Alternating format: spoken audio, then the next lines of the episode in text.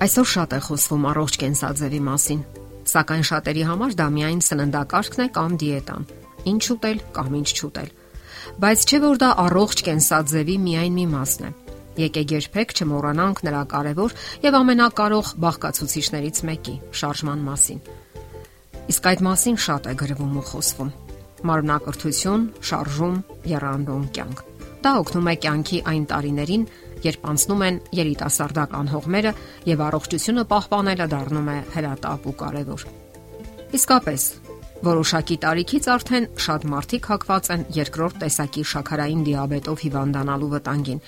իսկ մարմնակրթության միջոցով նրանք կարող են 50%-ով կրճատել հիվանդանալու ռիսկը։ Իսկ միջին տարիքի տղամարդիկ կարող են նվազեցնել ինսուլտի ռիսկը։ Իսկ կանայք նրանք կարող են նվազեցնել կրծքագեղձի քաղցկեղով հիվանդանալու վտանգը։ Իսկ միգուցե շատ հարգարժան տատիկներն ու պապիկներն էլ մտածեն, թե ինչպես անեն, որ նվազեցնեն այցեյմերի հիվանդությամբ հիվանդանալու ռիսկն ու վտանգը։ Այո, կարող ենք ասել, որ գոյություն ունի մի միջոց, որի օգնությամբ մենք կարող ենք որակյալ դարձնել մեր կյանքը եւ կանխել քրոնիկական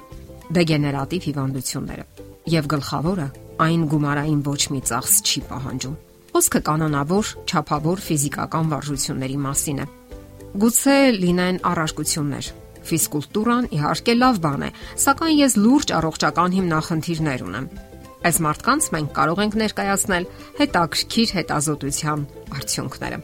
9611 հասուն մարդկանց հետ կատարված հետազոտությունները ցույց են տվել, որ այն մարդիկ, ովքեր 50-ից 63 տարեկանում զբաղվել են կանոնավոր ֆիզիկական վարժություններով, հաջորդ 8 տարիների ընթացքում մահանալու հավանականությունը նվազեցրել են 35%-ով, նրանց համեմատ, ովքեր ֆիզիկական ծանրաբեռնվածություն չեն ունեցել այն մարդկանց մոտ, ովքեր սիրտանոթային հիվանդությունների զարգացման ռիսկ են ունեցել, վաղաժամ մահվան հավանականությունը նվազել է 45%-ով։ Այդ հետազոտություններում քայլքն ու այգեգործությունը եղել են ամենաարդյունավետ վարժություններից։ Ինչից եւ ինչպես սկսել։ Եթե դուք դեռևս չեք սկսել վարժություններ կատարել, ապա սկսեք ամենապարզից։ Դա 5-ից 10 րոպե տևողությամբ թեթև քայլքն է ամեն օր։ Յուրաքանչյուր 4-րդ օրը Դուք կարող եք մեծացնել զբոսանքի տևողությունը 5 րոպեով, ապա աստիճանաբար մեծացրեք ինտենսիվությունն ու արագությունը, փորձելով քայլելով հաղթահարել բարձրություններ։ Իսկ բոլոր դեպքերում ուրախadir հետևեք ձեր ինքնազգացողությանը եւ ժամանակին կանգ առեք, եթե հեվոց եք զգում, ցավ կրսկավանդակում, ոտքերում եւ եթե քայլելիս չեք կարողանում խոսել։ Եթե շնչահեղձություն եք զգում, կանգ առեք, մի քիչ հանգստացեք, Ֆիզիկական վարժությունների ծրագիրը սկսելուց առաջ կարող եք բժշկական ստուգում անցնել։ Միշտ հիշեք ճափավորության մասին, քանի որ ծայրահեղությունները եւս վտանգավոր են։ Միանշանակ է, որ ֆիզիկական վարժությունները պաշտպանում են սիրտը։ Աերոբիկայի կանոնավոր ակտիվ պարապմունքների դեպքում նվազում է սրտի կծկումների հաճախությունը, թե հանգիստ եւ թե ֆիզիկական ծանրաբեռնվածությունների ժամանակ։ Հարվածների միջև ընկած ժամանակահատվածում սրտի խցիկները լցվում են արյունով Եվ որքան քիչ է սրտի կծկումների հաճախությունը, այնքան խցիկները շատ ժամանակ են ունենում լցվելու եւ այդքան մեծ քանակությամբ արյուն կարող է մաղվել սիրտը։ Եվ սա པարզ բացատրություն ունի։ Սրտամկանն ինքը միոկարդը նույնպես զգալի չափով սնվում է սրտի կծկումների միջև ընկած ժամանակահատվածում։ Մկանային ուժը եւ դիմացկունությունը ամրապնդելու համար կարող եք կատարել հատուկ վարժությունների կոմպլեքս։ Դա կարող է լինել ուժային աերոբիկա կամ մարզումներ հանտելներով, մարզագնդերով կամ ծանրաձողով։ Այդպես դուք մկանային զանգված եւ ուժ կունենաք, կայրեք օրգանիզմի ճարպերը եւ վերջապես կամրապնդեք ձեր ոսկորները։ Ասենք որ կանայք նույնպես կունենան այս բոլոր առավելությունները։ Նրանք կարող են չվախենալ, որ ճափից ավելի մկանային զանգված կհավաքեն, քանի որ կանացի օրգանիզմում բավարար քանակի տեստոստերոն չի արտադրվում, որը պատասխանատու է մկանային զանգվածի համար։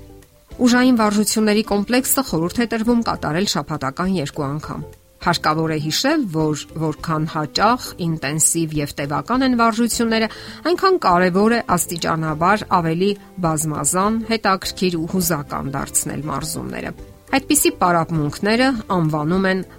խաչաձևող պարապմունքներ։ Այդպիսի մոտեցումն ունի իր օգուտները։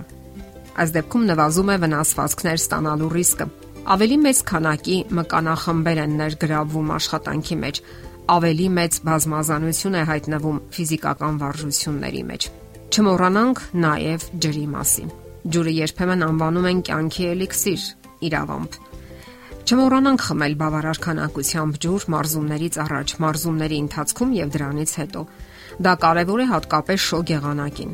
Պետք է հիշեք, որ օրվա ընթացքում դուք պետք է խմեք 2-ից 2.5 լիտր ջուր, կախված տարվա եղանակից։ Կարող եք խմել որոշակի քանակությամբ նույնիսկ մարզումների ընթացքում։ Եվ իհարկե, երբեք մի մոռացեք խորհրդակցել ձեր բժշկի հետ։ Հիշում եք ձեր մանկական տարիները։ Էներգիայի ինչ անսպար pašար ունեիք դուք։ Պատրաստ էիք անverջ վազել ու թռչկոտել։ Չէիք վիրավորվում եւ չէիք նեղանում մարդկանցից։ Միշտ բարի էիք ու բարյացակամ եւ առողջ նյարդային համակարգ ունեիք։ Ինչն էր այդքան առույգ ու կենսախինդ դարձնում ձեզ։ Փորձեք բոլոր տարիքներում այդպեսին լինել։ Դա հուզականորեն կլիցքավորի ձեզ Հնարավոր է նաև վարակեք ուրիշներին, որ ներգրավվեն ձեր մարզումների մեջ։ Պարզապես փոխեք ձեր սովորությունների եւ իներցիայի ուժը։ Դա ինչ, դա միանգամայն հնարավոր է։ Թող ձեր նշանաբանը լինի առողջ բոլոր տարիքներում։ Եթերում է առողջ ապրելակերպ հաղորդաշարը։ Ձեզ հետ է Գեղեցիկ Մարտիրոսյանը։ Հարցերի եւ առաջարկությունների դեպքում զանգահարեք 094 08 2093 հեռախոսահամարով։ Հետևեք մեզ hopmedia.am հասցեով։